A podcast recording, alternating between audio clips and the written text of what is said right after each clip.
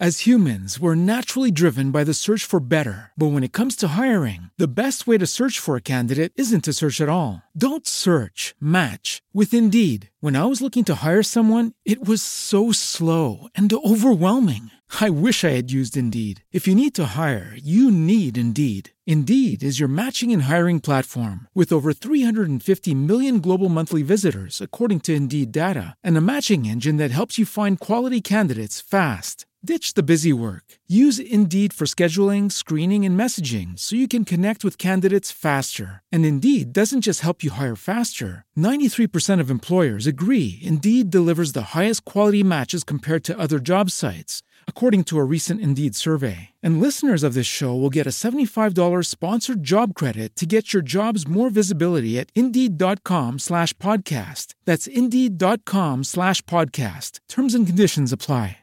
Lucky Land Casino asking people what's the weirdest place you've gotten lucky? Lucky? In line at the deli, I guess? Aha, in my dentist's office.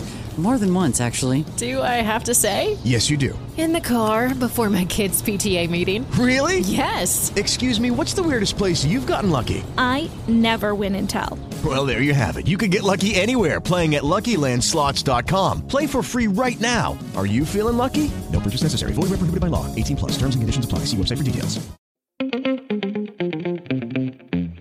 Rap Ràdio presenta Pensa veus Amèrica Barcelona amb Míriam Aimamí Bona tarda, Europa. Bon dia, Amèrica. Benvinguts i benvingudes a un programa més d'Amèrica Barcelona Pensaveus Compartides. Vivim un accelerament en el coneixement tecnològic i és que, amb la rapidesa que la tecnologia canvia, a la vida quotidiana cada cop estem menys temps per assimilar aquestes transformacions i visualitzar l'impacte real d'aquestes tecnologies en el desenvolupament humà. Avui dia, la quantitat de dades que es genera, tant per part dels humans com per part de les màquines, supera en gran mesura la capacitat que tenen les persones per absorbir, interpretar i prendre decisions complexes basades en aquestes dades. La intel·ligència artificial suposa la base de tot l'aprenentatge automàtic i el futur de tots els, els processos complexos de presa de decisions.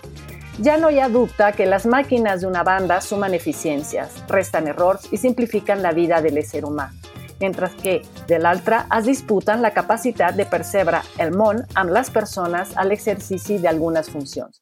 La intel·ligència artificial és un tema tan ampli i complex que demana en tot moment d'un estudi transdisciplinari que l'abordi en les seves dimensions variades, que doni compte de les problemàtiques ètiques, ontològiques, jurídiques, polítiques, psicològiques, sociològiques i humanes. D'aquí que hi hagi bons motius per abordar aquest tema davant del que s'acosta en aquesta etapa de transició global. I avui m'acompanyen l'Andrea Ruiz i el Leonardo Alvarado. Hola, Andrea. Hola Miriam, un placer ser aquí a vosotras. Hola Leonardo. Hola a todos, buenos días América, buenas tardes Europa. ¿Con quiénes conversaremos esta mañana, Leonardo? Hoy nos acompañan en Radio América Barcelona, México, la doctora Nuria Valverde y el doctor Santiago Negrete, con quienes hablaremos sobre un tema que nos lleva al límite de la comprensión humana, la inteligencia artificial. Nuria Valverde es doctora por la Universidad Autónoma de Madrid con su tesis Instrumentos científicos, opinión pública y economía moral en la Ilustración española. Entre el 2005 y 2008 trabajó como investigadora en el Centro de Ciencias Humanas y Sociales del Centro Superior de Investigaciones Científicas de Madrid, realizando estancias breves de investigación en el Max Planck Institute for the History of Science de Berlín el Department of History of Science de la Universidad de Harvard y de Bakken Library de Minneapolis. Posteriormente es contratada en la Universidad Autónoma de Madrid dentro de la red de investigación CREP. Ha colaborado en varios proyectos sobre gobernanza de la ciencia y la tecnología con la Fundación Española para la Ciencia y la Tecnología desde el 2010. Trabaja como profesor visitante en el Departamento de Humanidades de la Universidad Autónoma Metropolitana Coajimalpa de la Ciudad de México, en donde imparte cursos de teoría del conocimiento, historia de la ciencia y la tecnología, historia y sustentabilidad. Colabora en distintos proyectos docentes y de investigación con la Universidad Nacional Autónoma de México y el CINVESTAB. Sus intereses científicos están marcados por los compromisos éticos, políticos, ontológicos que adquirimos a través de la tecnología. Actualmente dirige con Santiago Negrete el proyecto CONACYT Exploración de creatividad relacionada no antropocéntrica, orientado a formas alternativas de creatividad computacional y sus posibilidades de generar interacciones creativas con paciente LIS, síndrome de cautiverio parcial. Santiago Negrete Yakelevich actualmente es profesor investigador de tiempo completo de la Universidad Autónoma Metropolitana, Unidad Guajimalpa en el Departamento de Tecnologías de la Información, en la División de Ciencias de la Comunicación y Diseño. Tiene un doctorado en Inteligencia Artificial por la Universidad de Edimburgo y es matemático por la Universidad Nacional Autónoma de México. Sus intereses de investigación giran alrededor de los medios computacionales,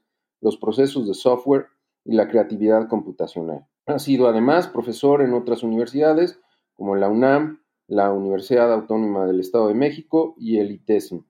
Consultor en varias empresas de tecnología de la información en México y en el extranjero. Pensaveus compartidas. Bienvenida Nuria, bienvenido Santiago a Radio América Barcelona, México. Gracias por acompañarnos esta mañana. Gracias por invitarnos. Muchas gracias por permitirnos estar aquí y compartir nuestra investigación con vosotros. Claro que sí, así será. Santiago, ¿qué es la inteligencia artificial? La inteligencia artificial es una disciplina multi, pues, es multidisciplina eh, en donde se intenta investigar o si es posible que las máquinas puedan tener un comportamiento que las personas consideraríamos inteligente. Si lo hiciera una persona, nosotros lo consideraríamos inteligente. Entiendo que hubo un interés muy especial por abordar este este proyecto que ustedes tienen. ¿Por qué no nos platican un poquito de todo esto? El proyecto en, realidad nace de un interés doble, de hecho es eso, un proyecto multidisciplinario en el que, por un lado, queríamos explorar si es posible mm, realizar una máquina creativa basada en inteligencia artificial y, en segundo lugar, si es posible estimular la creatividad de las personas colaborando con este tipo de máquinas. Pero queríamos iniciar nuestra investigación no estimulando la creatividad de cualquier persona, sino de personas que necesitan esa estimulación, que necesitan esta estimulación porque están en una situación particular, muy particular, que son las personas que están locking syndrome o en síndrome de enclaustramiento. Estas personas, para la audiencia que no lo sepa, tienen un problema que les impide realizar cualquier movimiento, excepto tal vez cuando el, enclaustramiento no es total, mover los párpados, la comisura de los labios, mover un poco un dedo. Y basándonos en esta movilidad súper restringida, ellos establecen comunicación. Dentro de nuestro equipo tenemos a un especialista, Fernando Vidal, que está en Barcelona y que se dedica precisamente a la antropología clínica y estudia concepto de, de vida que tienen estas personas. Entonces, pues bueno, resultó un proyecto muy original en cuanto al uso, a los problemas éticos y sociales asociados y al tipo de, de máquina o artefacto que en última instancia tiene que salir del proyecto. Podríamos entender con base a lo que acaban de decir que en el ámbito de la medicina o para ayudar a la gente con eh, algunas capacidades diferentes en la salud, ¿sería donde más se encuentra en auge la inteligencia artificial o podríamos ver que en algunos otros ámbitos también tiene mucho auge actualmente? La inteligencia artificial está apenas empezando a hacer su entrada en la asistencia, digamos, en la, atención a las personas. Se han hecho muchos sistemas muchos estilos para personas que tienen problemas de parálisis, enfocándose sobre todo en la cuestión de la comunicación, cómo las personas que no pueden hablar pueden comunicarse con los demás. Y hay muchos sistemas que tienen que ver con tarjetas, con, con la mm, selección de letras del alfabeto que se pasan en una pantalla, con sistemas que leen las ondas cerebrales y, pueden ser entrenados para que las personas puedan eh, tomar decisiones, eh, mover cosas, seleccionar otra vez letras y poder escribir y comunicarse. Pero esta es la inteligencia artificial en general. Recientemente, una parte de la inteligencia artificial, que es la creatividad, ha sido explorada inicialmente como una cuestión para el arte, para hacer música, para hacer pintura, y también como una parte de la inteligencia artificial en donde muchos de los grandes problemas como la conciencia, por ejemplo, eh, no, no son tan importantes y, y, también porque tienen una cuestión que parece ser muy útil. Los principales ámbitos de la inteligencia artificial actualmente pues tienen que ver con el Internet, ¿no? Y, con el, el, descubrimiento de patrones del comportamiento de la gente, todo esto que, que la ciencia de datos que mucha gente conoce, ¿no? Pero esta parte de la creatividad, de la inteligencia artificial asistencial es algo realmente nuevo que nosotros estamos tratando de explorar y que no tiene que ver tanto con los otros sistemas que mencioné que, que son para las personas paralizadas. Nosotros queremos es tener un sistema que explora el tipo de relación, construye una relación que nosotros llamamos creativa desde cero y, no sabemos de antemano qué tipo de relación puede ser. Lo que dice Santiago no es exactamente asistiva en el sentido de que no cubre como una función de prótesis, ¿no? suplir el lenguaje o algo así, sino que es algo más emergente donde la persona va a desarrollar capacidades que todavía no sabe que tiene y donde puede eh, desarrollar, digamos, una pena artística, pero también otras cosas que están ahí por, por, descubrir para, para, la propia persona. ¿no? La, inteligencia en este ámbito, en el ámbito tanto asistencial como de relaciones con, personas con discapacidades, en realidad lo que presenta son unos retos también éticos muy interesantes, porque también por eso evoluciona más despacio y tenemos más cuidado con cómo se puede aplicar.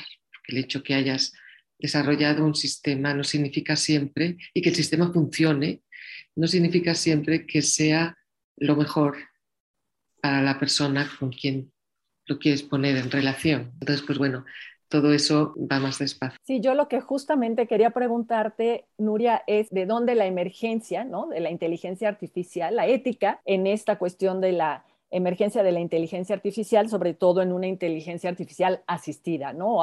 O, asistencial, más bien dicho. No sé si, sabéis, por ejemplo, que ya se han empezado a hacer los primeros robots que eh, acompañan a personas que tienen este tipo de problemas o personas inmovilizadas en casa.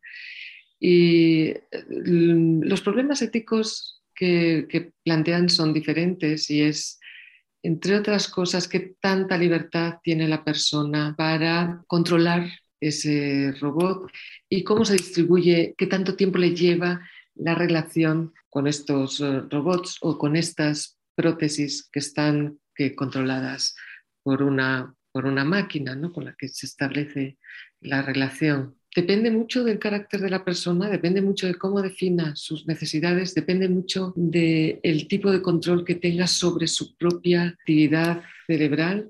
Las personas que están en síndrome de enclaustramiento cognitivamente, en términos de pensar y recibir información, son absolutamente normales. Lo único es que no pueden manifestar nada de lo que les pasa al exterior y, no sabemos muy bien tampoco cómo evolucionan. En ese sentido, pues muchas avances que son aplaudidos como un logro, luego cuando se ponen en marcha tienen pues así sesgos un poco agridulces, ¿no? Y eso es lo que hace que estén todos los investigadores pues muy atentos a exactamente cómo transforma a la persona la interrelación con la máquina, cómo se define el beneficio para él, pero también cómo surgen efectos colaterales que no habíamos tenido en cuenta. Yo quisiera regresarme un poquito porque me parece importante entender cómo es la estructura de su, proyecto, si me, me permiten un poco como si fuera un diagrama a bloques, porque, bueno, los dos nos explicaron claramente que no se trata de un proyecto que es una prótesis o, o que el tipo de asistencia que se da no es para la solución de las actividades cotidianas de las personas que están en esta condición, eh, que tiene que ver más con la creatividad Y me imagino que hay un sinnúmero de especialistas involucrados en esto, desde neurocirujanos, qué sé yo, ¿no? Entonces, para entender un poco mejor cómo está eh, este, eh, este asunto y el avance que llevan, estaría interesante ver, bueno, hay electrodos conectados en la cabeza, este, se hace todo con el iris, yo qué sé, ¿no? Un poquito para darnos una idea un poco más concreta de por dónde andamos. Nuestro proyecto consiste en explorar un tipo de creatividad en particular que nosotros llamamos creatividad relacional y que eh, es no antropocéntrica, es decir, siempre se piensa que las, cuando uno dice, bueno, vamos a hacer una máquina que sea creativa, quienes van a evaluar que la máquina sea creativa o no son las personas que están alrededor mirando. Entonces se le pregunta a la gente, y bueno, ¿esto que hizo es creativo o no? Y entonces la gente discute y siempre la decisión es del lado de las personas. Con respecto a la creatividad humana, es la máquina es creativa o no. Y esto pues resulta un tanto injusto para la máquina, podría decirse, porque pues estamos pidiéndole algo que, que, las máquinas no, a lo mejor no son capaces de hacerlo. Pero nosotros podemos tener una definición de lo que es ser creativo que aplique a otros entes que no sean necesariamente humanos, por ejemplo, también a los animales, ¿no? Por ejemplo, preguntarnos si un gato es creativo en sus actividades y también sería injusto que nosotros estuviéramos diciendo, bueno, es que como no puede cantar ópera, entonces no es creativo, bueno, pero a lo mejor al gato no le interesa cantar ópera porque, no sé, no es parte de su vida y de sus intereses. Entonces, eh, ¿qué es lo que sería creativo para un gato o un animal cualquiera? Incluso pueden ser insectos o, no sé, incluso podríamos pensar en creatividad extraterrestre. ¿Cómo podemos nosotros identificar la creatividad de seres extraterrestres? Pues no son seres humanos, no podemos esperar que hagan cosas como nosotros. En fin, entonces, esta idea de hacer un modelo que sea creatividad no antropocéntrica, o sea, que pueda ser, que englobe otras cosas, está en el, en el centro de nuestro proyecto. Y bueno, Nuria nos puede explicar la parte teórica de, de, qué es lo que quiere decir la creatividad no antropocéntrica y sobre qué se basa, pero que atendiendo un poco lo que Leonardo pide, que es una descripción de nuestro proyecto, bueno, nosotros imaginamos, bueno, y no solo lo imaginamos porque ya lo estamos desarrollando, un robot, una máquina que está en una habitación con una persona que está paralizada, interactúa con, con la persona a través de distintos sensores, por ejemplo, produce sonido y luego escucha el sonido. La persona a lo mejor tiene alguna manera de producir sonido moviendo sus ojos o algo así, o puede, puede haber un sonido proveniente de otras personas que estén en la habitación o de la calle. También tiene sensores de luz que puede detectar el color eh, y así saber si es de día o de noche. Puede tener tiene, sensores de temperatura y humedad e incluso, aunque todavía no los incorporamos, tiene sensores, ¿cómo se llaman? Los biológicos, ¿no? Los que miden tu, presión y sanguínea y tu ritmo cardíaco y la, respiración. De tal manera que una puede saber si hay cambios en la persona, ¿no? Cambios fisiológicos. Entonces, esta creatividad relacional emerge a partir de la relación entre las personas y la máquina. O incluso, como dije, pueden ser otras, otros entes, pero en este caso solamente es persona y una máquina. Y entonces, poco a poco, se va desarrollando la relación de tal manera que hay una respuesta a un estímulo y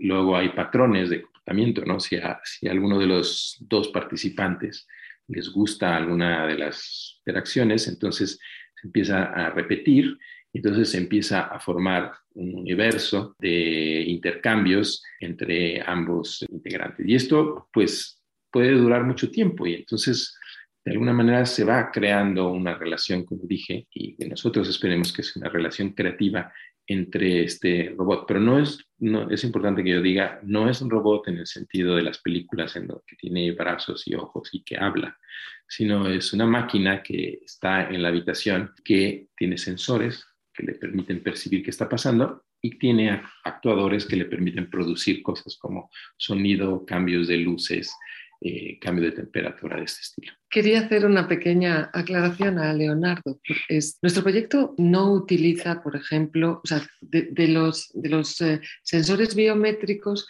utiliza los sensores menos invasivos. Entonces, no hemos utilizado, por ejemplo, un, casco de electroencefalograma, una interfaz de este tipo, cerebro-máquina basada en, en electroencefalograma, Primero porque están, mm, no están suficientemente desarrollados, es decir, están desarrollados para ayudas en la comunicación, pero tal vez no nos servirían mucho exactamente para este proyecto. Además, como es un proyecto piloto, cuando tenemos que mantener al mínimo eso, el, impacto en el, en el, paciente. Bueno, ellos no quieren que se les llame paciente, pero en el impacto en las personas que participan. Dentro de nuestro proyecto sí hay gente que trabaja con electroencefalograma o que ha trabajado, pero son, son proyectos que no están orientados a, no son tan experimentales como este, que es relativo a la, eh, mm, al desarrollo de formas de creatividad en la relación con máquinas, ¿no? sino que están más orientados a la idea de establecer una reacción de sí, no, del paciente con la máquina. Nosotros no queremos exactamente una relación de signo mientras la máquina, que es una máquina que madura, crece, ¿no? empieza manejando pocos estímulos y de repente adquiere, digamos, un nivel crítico de información, la empieza a combinar y eso es lo que va a ir produciendo series de sonidos o continuidades y discontinuidades de colores. ¿no? Y la máquina intenta integrar el máximo posible de información. Y precisamente por eso está dispuesta, siempre es una máquina dispuesta a colaborar. Y entonces en la medida en que el paciente intervenga con su movimiento, creando su propio lenguaje con movimientos repetitivos o interfiera con la máquina, la máquina se va a ver obligada a traducir todo eso a lo que ella ya está haciendo, ¿no? Y entonces eh, altera su producto en función de lo que el paciente quiere hacer. Claro, el paciente tiene que descubrir cómo puede intervenir, tiene que descubrir qué quiere hacer, tiene que, o sea, es, es un proceso que empieza, yo diría que como un rap, ¿no? Uno suelta un verso y el otro tiene que ver qué hace con eso y en qué dirección quiere ir y el otro tiene que capturarlo, darle sentido y volver a lanzar el producto y el otro le, va respondiendo, ¿no? Pero no sabes a dónde va, no sabes tan buen resultado. Ese rap de improvisaciones, ¿a dónde va a llegar? Pues algunas veces llega a buen puerto y otras veces pues la cosa se queda más, más mediocre. Pero lo importante es que dentro del marco teórico que nosotros manejamos, una parte muy importante de la creatividad es precisamente cómo se configura el propio individuo en las relaciones con las cosas, es decir, se, redescubre cada vez que establece una relación con, algo y, e incorpora esa relación en forma de posibilidades de hacer. Y entonces su versión de sí mismo cambia. El día que te dan una pintura cuando eres pequeño y descubres que puedes rayar y hacer cosas que te gustan y no, tu versión sobre ti mismo cambia. Y un poco es esa, nosotros estamos en esa, en esa coyuntura, ¿no? Como una cierta definición de creatividad recrea en primer lugar a la persona As humans, we're naturally driven by the search for better. But when it comes to hiring, the best way to search for a candidate isn't to search at all. Don't search, match with Indeed. When I was looking to hire someone, it was so slow and overwhelming. I wish I had used Indeed. If you need to hire, you need Indeed. Indeed is your matching and hiring platform with over 350 million global monthly visitors, according to Indeed data, and a matching engine that helps you find quality candidates fast. Ditch the busy work. Use Indeed for scheduling, screening, and messaging so you can connect with candidates faster. And Indeed doesn't just help you hire faster. 93% of employers agree Indeed delivers the highest quality matches compared to other job sites, according to a recent Indeed survey. And listeners of this show will get a $75 sponsored job credit to get your jobs more visibility at Indeed.com slash podcast. That's Indeed.com slash podcast. Terms and conditions apply. Le redescubre habilidades, le descubre formas de lenguaje en las que se puede expresar. Hay una cosa más que yo quería decir que olvidé cuando estaba respondiendo a la pregunta de Leonardo, y es que un punto importante de interacción es el parpadeo.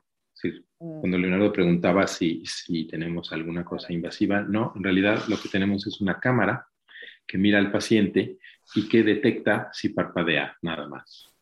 Y como esta es una de las cosas que pueden hacer los pacientes que tienen el síndrome de enclaustramiento, pues es muy importante con la interacción a través del parpadeo. Entiendo que están en una fase piloto del proyecto, pero cuando ya tengan que estar con la adaptación o la aplicación de esto con los pacientes, ¿qué requerimientos legales necesitan cubrir para poder trabajar debido a las cuestiones éticas que pueden verse relacionadas? En realidad, como la, invasividad es mínima, sí lo que tenemos es las imágenes, el registro que se crea es solamente un registro que utiliza la máquina, que luego transforma eso en información y, en intensidades. De, es, efectivamente es una máquina interpretativa, ¿vale? Como todos nosotros lo somos, pero la interpretación es una eh, interpretación que no podemos anticipar porque es una interpretación de máquina. Es decir, ella interpreta y da como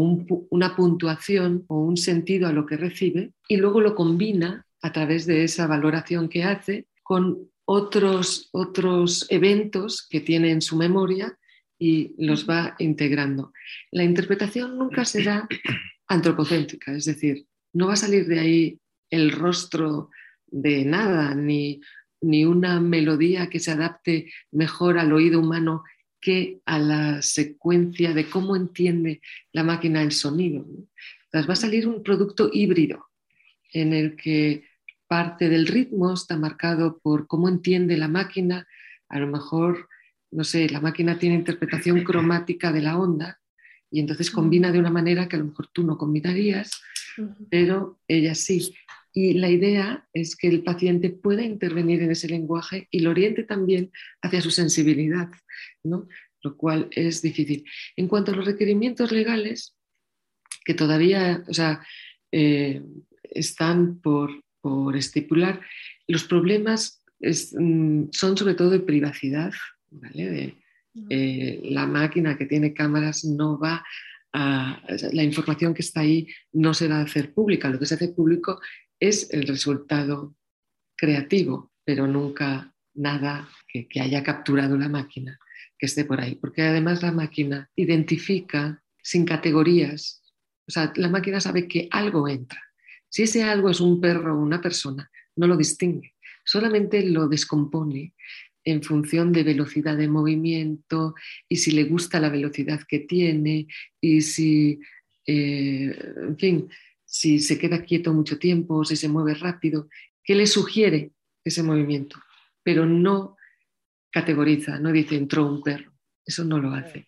Entonces, en términos de privacidad es muy bueno, en el sentido de que no es una máquina a partir de la cual puedas reconstruir la vida privada o el entorno privado de nadie, pero sí que entró algo que tiene una altura de 170 centímetros, por ejemplo, si lo sabe, y si se movió rápido o no, pero es discreta en ese sentido. Luego están otra serie de cosas como bueno, los, las autorizaciones, los permisos, los, eh, consentimientos. No, no, no, creemos que vaya a ser eh, muy problemático y las personas con las que hemos entrado en contacto son favorables, les parece interesante y les parece divertido, que es algo que nos importa mucho, porque uno de los problemas de estas personas es que se aburren, se aburren mucho. Mm. no, no, puede estar todo el mundo, una persona todo el tiempo mirando para ellas y después, pues a veces la comunicación es muy lenta, tienen que memorizar mucho, tienen que memorizar qué quieren decir. Y cuando quieren ser creativos, porque se les ha ocurrido un cuento o, un poema, muchos escriben poemas, tienen que guardarlo todo en la cabeza y esperar el momento apropiado para que alguien les ayude a extraerlo. Entonces, una máquina de esta creemos que puede ser para ellos muy interesante, una herramienta muy interesante. Sí, justamente iba a preguntar eso, ¿no? ¿Dónde estaba el, el, beneficio para, para la persona en esta condición, porque tú mencionaste que cuando tú interactúas con algo, como por ejemplo cuando dibujas o cantas, de alguna manera te redefines. Entonces eso me remitió un poco a estas técnicas que se han usado de arteterapia, ¿no? Para gente que está en condiciones complicadas. Y me gustaría ver si va un poco por ahí la, la, propuesta de, que ustedes tienen. Bueno, se sabe que las personas que están paralizadas, si mantienen su mente activa con, distintas cosas, esto es algo de beneficio para su, bienestar. Y creo que e, este es el punto en donde nuestro proyecto es asistencial. Digamos que mm, la interacción con esta máquina, nosotros esperamos que sea un, un estímulo, puede la persona dirigir hasta donde quiera, ¿no? Y que lo mantiene despierto y atento y, pensando e imaginando y creando nuevas posibilidades. Entonces, en este sentido, sí tiene en común con, con la, la arteterapia que hace pensar a la gente y, mantenerla activa mentalmente. Mm, yo no sé mucho de arte terapia, pero entiendo que muchas veces es, eh, funciona también más como una forma de desvelar significados ocultos o digamos que eh, problemas emocionales que están en la persona. Esto en realidad es más como, si dijéramos como resolver un sudo, en el sentido de que tienes que orientar lo que va a salir hacia una producción total, ¿no? pero no sabes muy bien si la ficha que has puesto va a resultar bien y en qué dirección o no. A diferencia de un, del sudoku, la ventaja es que no hay una sola respuesta, hay múltiples respuestas a lo que estás haciendo, hay múltiples eh, posibilidades, pero en ese sentido contribuye a la salud de las, de las personas en el sentido en el que señala Santiago. O sea, hay una especie de co-creación aquí de, entre la máquina y el hombre. Esa es la, palabra. Exactamente, co-creación. Es, eh, ahí es donde nos, de hecho, eh, parte de nuestra teoría se apoya en, en, la idea de que no hay una, no hay nunca eh, creatividad individual. La creatividad es siempre creatividad con otro. Necesitas desde un bagaje anterior cultural hasta un interlocutor posible o presente, ¿no? Con el que va a tener sentido el intercambio y tienes que combinar eh, cosas que no han sido combinadas antes, pero lo haces a través de un montón de ideas, sugerencias, interferencias, ponen los demás. Y cuando decimos los demás, no solo decimos demás personas, sino demás entorno material, si tu folio en el que pintas tiene dos metros por dos metros, tienes unas posibilidades de hacer cosas. Y si tiene 50 milímetros por 50 milímetros, tienes posibilidades de hacer otra. Y tu creatividad se ve influida por el tamaño, la forma, la densidad del papel, ¿no? Exactamente igual, o sea, nunca es, nunca sale de la nada y nunca sale de solo un individuo. En la película de la escafandra y la mariposa que ustedes nos sugirieron ver, narra la historia, una historia intrincada, ¿no? De un periodista, de este editor en jefe que sufre una embolia cerebral y que, bueno, construye un singular sistema para comunicarse. ¿Cómo, ¿Cómo se da esto? ¿Cómo es posible esto? Porque incluso llegó a escribir un libro en esas condiciones.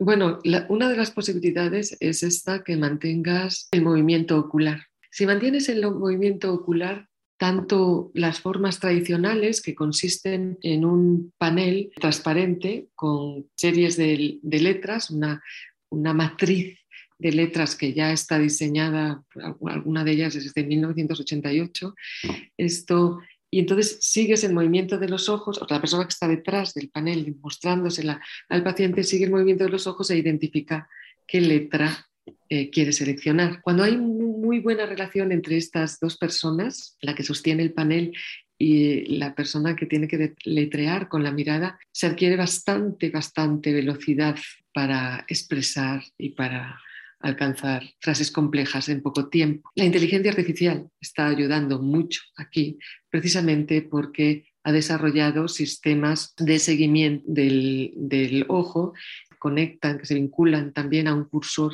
en una pantalla y entonces se puede de esta manera ir identificando letras. Algunas de, los, de estos sistemas alcanzan ocho palabras por minuto, ¿vale? que es lento en relación a, por ejemplo, una máquina de escribir, pero que es bastante rápido dentro de las circunstancias en, las que viven estas personas. El caso más difícil de comunicación es el talking total, es decir, donde ya no hay ningún movimiento del ojo, ninguna respuesta muscular, no, no, no tienes alternativas complementarias a la inteligencia artificial. Personas que han estado sometidas a, estas nuevas tecnologías a veces tienen el sistema tradicional paralelo o guardan movimientos que le permiten decir muy rápido sí o no. Pero si no tienes eso, dependes totalmente de la inteligencia artificial y dependes, como dice Leonardo, de la eh, implantación de electrodos eh, subcraneales, en el córtex. Entonces, los resultados no han sido tan eh, extraordinarios, son bastante, o sea, son extraordinarios porque se ha podido demostrar recientemente que personas en este estado se pueden comunicar, pero es muy lento. Llegan como a un carácter por minuto, que es una transmisión de información realmente baja, ¿no?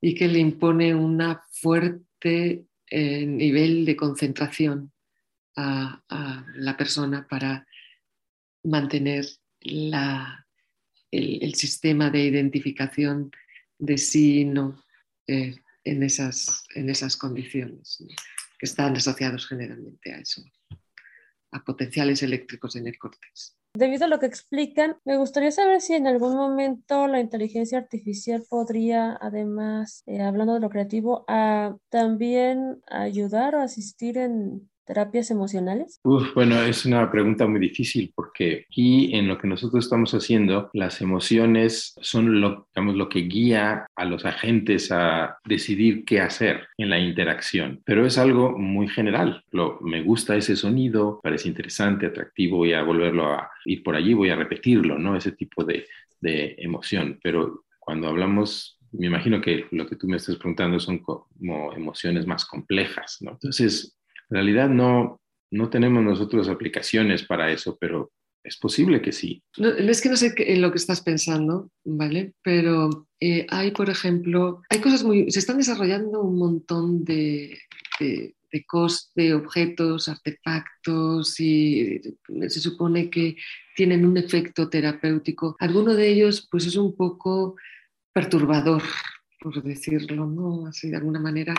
Por ejemplo, se están desarrollando estos tipos de, robot que mantienen una conversación contigo y con el que puedes mantener una relación sexual, ¿no? Y entonces, ah, pues eh, los, el, machine learning que, desarrollan está en función del, gusto del cliente. Y a veces eh, pues se han propuesto como solución, por ejemplo, a los instintos de violación. Pero esos son, aspectos, digamos, que son muy problemáticos y, éticamente están muy discutidos. Pero ahora mismo, o sea, eh, en términos de terapia, ¿no? utilizar la terapia, creo que, que últimamente hay pues mucha más reflexión se está pensando mucho más que exactamente qué entendemos por terapia, cómo puede ayudar una máquina, qué relación moral debemos de tener con una máquina, por ejemplo. ¿Nos parece bien que alguien pegue patadas a un perro mecánico solo porque es mecánico? ¿Es bueno? Las emociones que los niños desarrollan con sus, con sus cachorros mecánicos son positivas. En mi opinión, todo lo que sea elaborar relaciones constructivas está bien. Siempre, y además el niño tiene que aprender a diferenciar entre relaciones afectivas con mecanismos y relaciones afectivas con organismos. Y mm. en qué sentido son diferentes, apreciar la diferencia. Eso es importante. Y en ese sentido yo creo que estos desarrollos son muy útiles. Por ejemplo, niños a los que se les ha dado un perrito de este tipo saben muy pronto que estos perros, bueno, por ejemplo, no, no sienten dolor, pero o no hacen caca, no tienen que sacarlos a pasear obligatoriamente.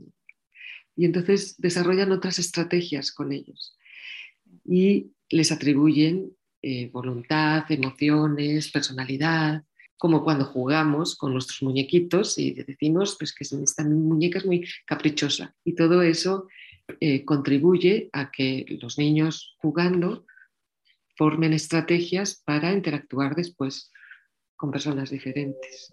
Pero no sabría decirte hasta dónde hemos llegado y mucho menos hasta dónde podemos llegar. Ahora que estaba escuchando a Nuria, se me ocurre que, bueno, una de las visiones que yo tengo acerca de este proyecto es que desde el punto de vista del diseño de sistemas, tú puedes pensar que un sistema creativo es como una buena alternativa a tener un sistema definido como una herramienta. Uno de los problemas de las herramientas es que vienen configuradas de una sola manera para todas las personas y todas las personas las usan de distintas maneras. Entonces, si tú tienes un sistema que construye una relación contigo a través de la interacción y a través del tiempo, de alguna manera es muy, muy adaptado a ti y a lo que tú quieres, incluso podría llegar, y bueno, aquí estoy un poco fantaseando, pero podría llegar a identificar, por ejemplo, si estás en peligro, ¿no? Si, si estás triste, si necesitas ayuda o si estás en un buen momento y estás contenta y entonces, pues vamos a festejar, no sé, ese tipo de, relaciones. Y entonces, en estas relaciones, bueno, Nuria mencionaba el, del juguete o del el ente este, de interacción afectiva o sexual, pero, pero un, un, sistema en general, en una oficina o en casa, podría hacer este tipo de relación personalizada que desde luego después de un tiempo terminaría eh, involucrando las emociones de la persona, por supuesto. Podría ser algo muy positivo. ¿La inteligencia artificial ayuda a las neurociencias o viceversa? Pues yo creo que, digamos, es una relación simbiótica. Cada, eh, sacan las dos provecho una de otras. Es verdad que, mm, por ejemplo, mm, a través de inteligencia artificial, proponer un modelo de funcionamiento y eh, cerebral y reconstruir determinado tipo de comportamientos neuronales y después un buen, un buen conocimiento neurológico aclara o proporciona modelos para el desarrollo de la inteligencia artificial. Es como tratar de entender el mismo fenómeno, pero empezando de distintos extremos, ¿no? Uno es parte, parte física y neuronal ¿no? del cerebro y trata de entender cómo funciona el cerebro y en función de cómo funciona el cerebro, entender cómo se explican los fenómenos que emanan de él. El otro es partir del lado más psicológico y de observación del comportamiento y tratar a través de la simulación con máquinas, entonces tratar de validar distintos modelos y teorías para irse acercando hacia el otro lado, es decir, hacia la parte del cerebro, ¿no? Entonces es como ir avanzando hacia el mismo punto de unión de los dos. De todas formas, es importante eh, no confundirlas y no reducir una a otra. El funcionamiento del cerebro no es el funcionamiento de una máquina inteligente y una máquina inteligente nunca funciona como un cerebro. Y eso es importante tenerlo claro. Lo que resulta, la inteligencia artificial es un tipo de inteligencia, pero no inteligencia humana ni inteligencia animal, es otro. ¿Dónde estamos hoy en este desarrollo tecnológico? Seguimos programando en lenguajes como Lisp y esas cosas, o ya tenemos un montón de bloques de software que pegamos, porque mencionaste que había aplicaciones. Entonces, si yo quiero hacer un sistema como el de ustedes, empiezo a pegar este, bloques y, lo voy construyendo, o tengo un ejército de programadores escribiendo enormes cantidades de código. Tenemos todas las que acabas de decir. Tenemos gente programando eh, lenguajes como Lisp, el Lisp todavía se usa. Tenemos grandes bibliotecas de software que proporcionan un montón de herramientas, sobre todo que se han desarrollado mucho en aprendizaje de computadora, el machine learning, eh, que tienes para utilizarlas y, reutilizarlas. Y tienes grandes grupos de personas que están programando también, ¿no? Porque para hacer una aplicación necesitas grandes grupos de personas, como por ejemplo para hacer un sistema como los de Google, pues trabajo, ¿no? Entonces, todo esto, ah, por supuesto, la, mm, computación va avanzando en la misma tónica que ha ido avanzando siempre. Si se, se experimenta, se programa, se hacen pequeños prototipos y después se van generando estas grandes bibliotecas que son las herramientas.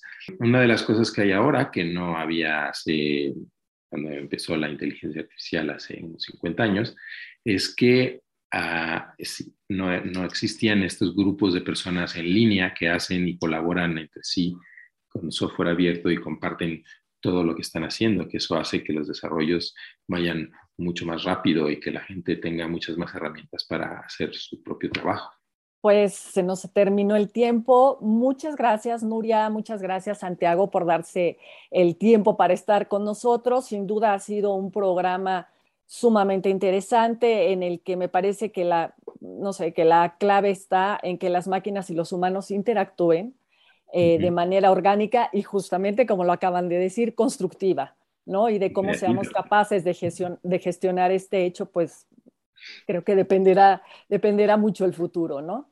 Pues muchísimas gracias a vosotros por darnos esta oportunidad de explicar en qué estamos trabajando y somos optimistas, sí, creemos que eh, se pueden hacer cosas eh, efectivamente que nos eduquen mejor en la, convivencia con la tecnología tema que nos deja con muchísimas preguntas y que bueno, ya habrá oportunidad de invitarlos de nuevo para, para conversar más, más al respecto. Gracias Andrea, gracias Leonardo. Eh, nos escuchamos en una emisión más de América Barcelona, Pensadeos Compartidas, fin abierto.